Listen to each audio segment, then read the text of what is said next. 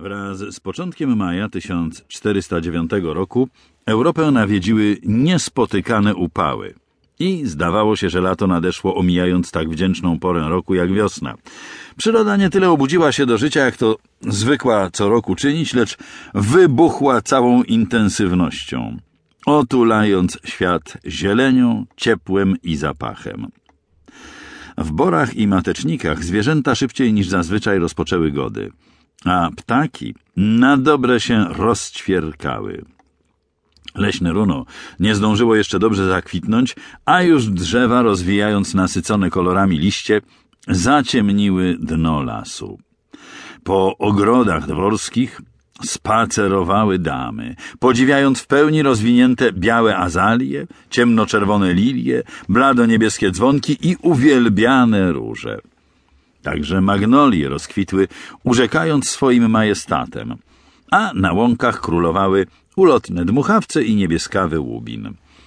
W klasztornych wirydarzach benedyktyni z zaskoczeniem obserwowali przedwczesny rozkwit bodziszków, konwalii, malw, rozmarynu i innych roślin stosowanych przez nich w lecznictwie.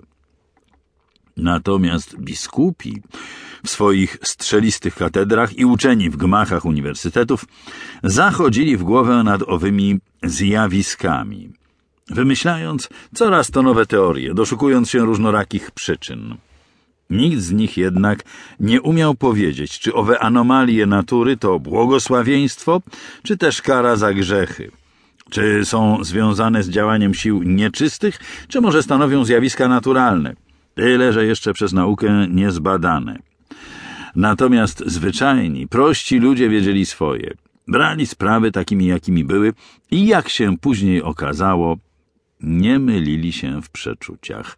Twierdzili, że to znaki zwiastujące kolejną zawieruchę dziejową, gwałtowne wydarzenia, które wkrótce nadejdą i odmienią los świata. A czasy to były burzliwe. Od lat chrześcijaństwo miało dwóch papieży. Jednego w Rzymie, drugiego w Awinionie. Obaj nie przebierali w środkach dla osiągnięcia politycznych celów i skutecznie skłócali ze sobą całe narody. Kto wie, czy po odbywającym się właśnie soborze w Pizie kardynałowie obu obediencji nie powołają kolejnego zwierzchnika kościoła? Na zachodzie Europy Anglicy i Francuzi toczyli wielką wojnę, której końca nie było widać, a z roku na rok coraz więcej nacji przyłączało się do niej. Na południu rodziła się nowa siła zagrażająca chrześcijańskiemu światu Turcy osmańscy. Co prawda król Węgier Zygmunt Luksemburski podejmował przeciw nim krucjaty, ale zazwyczaj kończyły się one porażkami, w tym tą najboleśniejszą przed trzynastu laty pod Nikopolis. Na północy morskie potęgi Hanzy, Szwecji i Danii, jeśli akurat nie rywalizowały ze sobą, to mierzyły się z epidemią piractwa. No i był jeszcze wschód. Dagobert Saint-Amand, burgundzki rycerz w służbie polskiego króla Władysława Jagiełły, zmierzał żmudzkim traktem na południe, w stronę grodu Miedniki. Co jakiś czas unosił się w siodle, spoglądając przed siebie i starając się dostrzec, co go czeka za następnym zakrętem. Niestety, gęsty las po obu stronach utrudniał widoczność. Na szlaku był już od wczesnych godzin rannych i z ulgą powitałby jakąś osadę lub choćby chłopską zagrodę. Był na szlaku już od świtu i tęsknie wypatrywał jakiejś osady, czy choćby chłopskiej zagrody, gdzie mógłby posilić się, oczyścić z podróżnego kurzu i chociaż na chwilę skryć w chłodnym cieniu strzechy.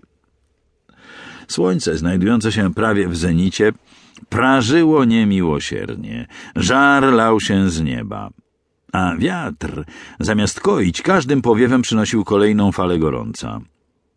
Mężczyzna odgarnął długie, jasne włosy przylepione do wilgotnej od potu twarzy, wstrzymał konia i rozejrzał się po okolicy. Otaczały go sosny, brzozy i dęby tworzące rozległą gęstwinę, z której dobiegały odgłosy zwierząt poszukujących pożywienia. Ptasie trele i stukot dzięcioła niosący się echem w leśnej głuszy.